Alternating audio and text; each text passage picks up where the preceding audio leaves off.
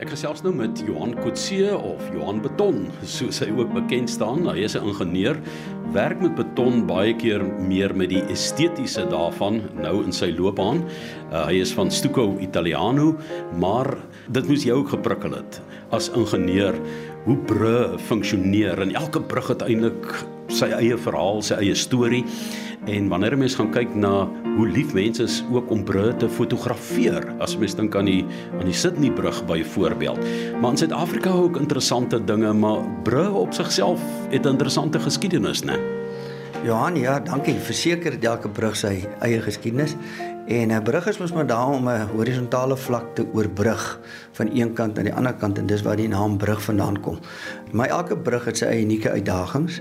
Ehm um, jy kan nie net as ons vat en ons wil oor 'n sloot loop in 'n hout oor sit en net oorloop nie, want die die hout gaan dalk deurbuig en hy gaan dalk breek en jy gaan ook val. En dis waar die brug inkom waar ou nou ehm um, brug moet ontwerp om dit wat die by die uitdaging is te kan oorkom en die regte brug op die regte plek te kan sit. Die materiaal wat vroeër gebruik is, sal dit nie met beton begin nie. Ek dink die Romeine het al klip in daai bo en so meer wat 'n mens nou sien in ons argitektoniese erfenis van die wêreld, maar uh, beton het eers later ingekom. Johan, jy is 100% korrek. Hulle het eers met hout begin. Hout eers gebou en die Romeine het met die met die klippak begin wat hulle klippe gevat het en gebou het. En toe het hulle die, die boogbrug gedoen of die aardsbrug soos ons bekend staan. En as jy nou nog in um, Europa rondry en kyk dan sien jy altyd hierdie brug wat gebou is uit klip uit en wat die vorm van die van die boog het. En dit is maar waar die aanvanklikes vandaan kom, klip en hout. Nou as jy mens gaan kyk na Europa, die bergreekse, ander dele van die wêreld, is dit ongelooflik wat daar al gedoen is en hoe hulle hoe hoogtes oorbrug het in die proses. Maar Suid-Afrika het self 'n paar brûe wat 'n verhaal het om te vertel, né? Maar partykeer en ek het al gewonder boue mense brug van weerskante af. Uh begin jy aan een kant en bou dit oor na die ander kant toe? Begin jy dalk in die middel en bou kante toe? Hoe werk dit in wanneer dit bymekaar kom? Ek kan dink daai spanning wat opbou. Johan, dit gaan maar oor die uitdaging wat die wat die omgewing vir jou bied as jy 'n brug bou. Meeste van ons in die nuwe moderne era bou ons van twee kante af. Of daar's ook 'n metode wat jy van een kant af as jy die brug op die vaste land of die vaste area ehm um, giet en jy trek hom oor. Jy sal sien baie keer sê as jy brug het so 'n staalraam voor wat lê het. Dit is wanneer hom van die een kant op die een kant giet en dan trek hulle hom oor.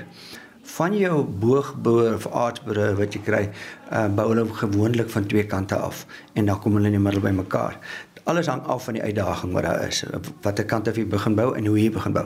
En as hulle bymekaar kom en hulle passie, het dit al gebeur? Ja, in Suid-Afrika was ook so 'n geval gewees. Ek dink ek praat nou 'n korreksie met die Stormrivierbrug. Het uh, die twee bymekaar kom toe sy so 25 mm uit. Nou jy weet ingenieurs sit en hy doen al daai berekeninge om hom 100% korrek te kry en jy kan nie so nie want hoe jy kan hom nie oplig met 'n jack onder hom sit nie want hy's omtrent 200 meter hoog die brug. En in die geval is baie keer moet jy gaan kyk, uh, dan is daar iets wat wat jy net nie in ag geneem het nie. En in daai geval is dit die huiskraan was nog op die een bogedeelte en die ander een nie yskraan gehad nie. Men het 'n bietjie deurgebuig onder die ekstra belasting wat jy op in die las wat jy boop het. En toe hulle dit nou verander, toe kom die twee pragtig bymekaar uit. Men daar was nie eintlik 'n berekeningsfout nie. Dit was 100% reg. Dan jy moet net vir jouself voorstel. As jy die ingenieur is en iets werk nie uit nie, eerste wat jy dink, wat het ek fout gemaak? En jou hele brein hardloop terug en kyk of ek 'n berekeningsfout gemaak het. Ehm um, in die geval was dit as een van die werkers wat gesê het, "Maar kyk, aan die een kant staan die hyskraan en aan die ander kant het nie 'n hyskraan nie." Toe besef hulle eers die twee bymekaar.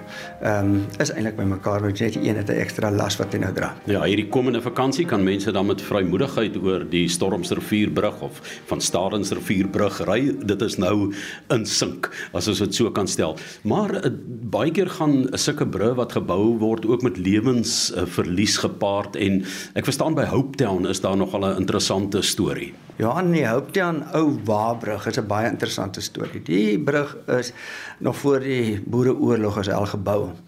en ehm um, struktuur was van staal gemaak en hy het van een kant af aan die ander kant oor die Oranje rivier gegaan en op daai spesifieke plek by oorgaan is die rivier nogal redelik wyd.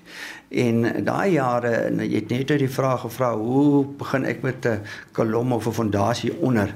Ehm um, het hulle die caisson gedoen. Dit wil sê jy het 'n tipe van 'n staalring wat jy het of jy het 'n iets wat jy gebou het en dan jy afgesak en jy onder begin uitgrawe waar 'n sak hy af en af en af en te keer dat jy nou nie water inkry nie en dat jy nou eintlik vir jou kan vaste materiaal onder kry. Maar daai jare het hulle gaan, ek dink is die tweede kolom van die houteenkant af dan gooi hulle beton in en dan laat hulle nou iemand af onder toe en hy moet nou die beton stamp om die lug uit te kry. En so het hulle vergeet om die persoon op te huis of weer terug te bring. En die volgende dag aangegaan en toe kom hulle agter maar hulle het hom daar onder in die beton vasgegooi. Men tot vandag toe is hy nog vasgegooi daar onder in die beton. Is versteen seker op hierdie tyd. Ehm um, maar dis nogal daar's baie spookstories of stories wat rondgaan oor dit. As jy gaan, ek dink daar's nou die ou tolhuis voordat jy oorgekom het met die brug is nou 'n gastehuis wat jy kan gaan bly voordat jy die ou Wabrug oorgaan is enkel enkel uh spoorbrug. Dit wil sê een voertuig op 'n slag. Dit wil sê soos hulle Wabrug genoem het. Ehm um, net interessant met die brug ook. Tydens die die Boereoorlog is die middelstuk afgeskiet. En hy lê nog onder in die rivier, jy kan hom sien. Afgeskiet sodat daar nie toegang oor die rivier kon gewees het om die toegang te blok en hulle het hom later weer herstel. Maar uh, bru het ook 'n interessante rol in mense se lewens gespeel. Dit was ook 'n plek van teregstelling. Ja, Johan in die in die regtig in die begintye van bru het hulle ook die mense gehang aan die bru. Dit nou die regte oertyd. As nou as kan sê dis die tyd hulle nog die houtbrug gemaak het. Men as iemand 'n gemeenskap een teregstel, het hulle hom gehang aan die brug. Jy het nou begin praat ook daaroor dit fascineer my hierdie brûe wat oor groot mere loop, uh, dikwels oor 'n gedeelte van 'n skiereiland, 'n oseane wat. Daar kom ons hier oral rots onder wees, nee. Ek weet in die Bybel sê hulle vir jou duidelik moenie jou huis op sand bou nie. En die mense daar by Hartenbos het dit nogal ervaar met die vloed toe hulle op die sand gaan bou het en groot probleme gehad het met hulle groot strandhuise, maar Hoe oorkom 'n mens dit? Watse tegniek word gebruik om daardie brug want dit moet tog op iets staan indien dit nie met kabels byvoorbeeld geanker word nie. Johan, die die metode wat hulle as ek nou gaan terug aan die Romeine het ontwerp die kofferdamme wat hulle uitgedoen het. Dit wat hulle gedoen het is hulle het eers houtpale afgesak langs die kant en so 'n per sirkel gevorm en droogklei gevat en daar waar hy gelek het en, en, en dan het hulle in die binnekant begin uitpomp, die water uitpomp en afgesak tot jy kyk of jy vaste materiaal kry. Nou waar 'n vuur gewoonlik loop, kry jy op 'n stadium onder rots, want ek bedoel dis maar die skeur in die rots in waar die rivier vorm. Uh maar jy kry ook in oseane kry net sand. En daar kan jy maar ook met piles afsit of op hypale. As ek verduidelik wat 'n hypaal is, as jy 'n stok vat en jy druk hom in die grond, gaan hy op die stadium hulle vasdruk. En druk nie teen iets vas nie, maar dis die wrywing langs die kant van hierdie hierdie stok wat jy indruk. Nou dis maar wat 'n hypaal is, is dat wanneer jy hom indruk, die wrywing langs die kant kom tot stadium dat hy die las kan dra wat boontoe. So kan jy paas afsit, jy kan of die hypaal kan jy afsit onder toe en dan kan jy op dit begin bou. Maar jy versprei die las eintlik op iets anders en dan begin bou jy die kolomme wat opgaan.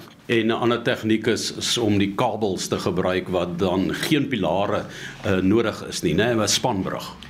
Johan, ja, daar is 'n spanbrug en dit is nou daar's eintlik twee tipe, die, die suspended uh bridge wat jy kan kry, die gesuspendeerde ene. Dit sê jy kabel kry, dan sien jy die kabel hang met 'n boog deur.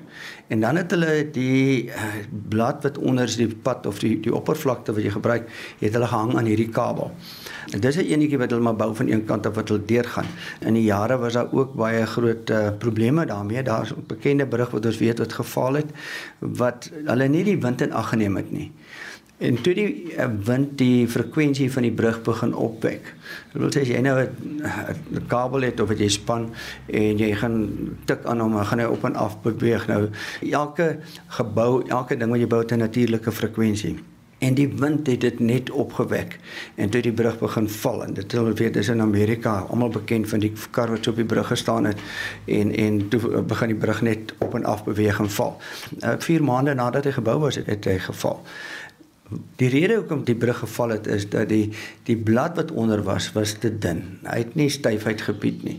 Dit is nou wanneer jy 'n boogbrug doen wat jy met aan kabels hang Dan sê ek gesien ek dink as Johannesburg toe gaan wat hulle oor die treinspoor daar by Johannesburgstasie het hulle gebou. En dit is wanneer jy 'n styfweg, dit wil sê jy het 'n kolom wat hoog opgaan en dan jy kabels wat jy direk aan die kolom wat hoog opgaan. Hy word nie in die boog aan 'n kabel wat 'n boog hang gehang nie, maar hy word direk teruggestey. En dan gebruik jy kabels, maar jy kan nog redelik ver kom met dit en dit is die nuwe tegnologie wat hulle deesdae gebruik. As jy nou weer oor 'n brug ry, dink 'n bietjie aan die ingenieurswese. Is eintlik fascinerend die tegnieke wat gebruik word. Ek het gesels met Johan Kutse, Johan Beton van Stucco Italiano. Hy is 'n man wat ehm um, deesdae met die estetiese sy van beton werk, maar dit is 'n magiese wêreld, nou vol moontlikhede, Johan. Verseker vol moontlikhede, Johan. As jy kyk, die langste brug in die wêreld is 164 uh km. 164 km lank nie meer as 164 km. En as jy dink dit dat hulle pad gemaak het uh om die brug te bou en hoe lank dit sou gevat het. En 'n brug is presies wat hy sê, ek wil dit gelyk maak en ek wil iets oorbrug wat vir my moeilikheid is. As ons gevat in die, in ons snelweë wat ons het, um, word ook van brûe gemaak om dit makliker vir die vervoer te doen. Dan gaan dit tussen geboue deur ensovoorts en jy kan baie paaie op een slag by mekaar laat verbykom en by mekaar verbygaan deur die een op 'n hoër vlak te bou. Anders meen brûe is eintlik 'n baie baie uh, uh ingenieurswese gesproke 'n uh, unieke ding wat uitgevind is om om die wêreld ons makliker te maak. Waar is daai langste brug in die wêreld, weet jy? Danyang Kunshan Grand Bridge en dit is in China. Is daar bekende ingenieurs in die wêreld wat brugingenieurs is wat popsterre is, as ek dit so kan stel, soos kunstenaars of sangers? Johan, ja, ek dink een van die bekendstes wat ons weet van is die die Eiffeltoring is mos deur Gustav Eiffel gedoen. En in vir ons is dit almal 'n uh, ikoniese se plek wat ons wil wees. Maar hy was eintlik 'n bekende ingenieur, 'n brugingenieur. Hy het hierdie ehm um, in die tyd toe die staal industriële era gekom het, wat staalbrûe gedoen het. Dit was die tyd wat hy hy's 'n baie baie bekende brugingenieur gewees en toe daarna het hy die Eiffeltoring gedoen.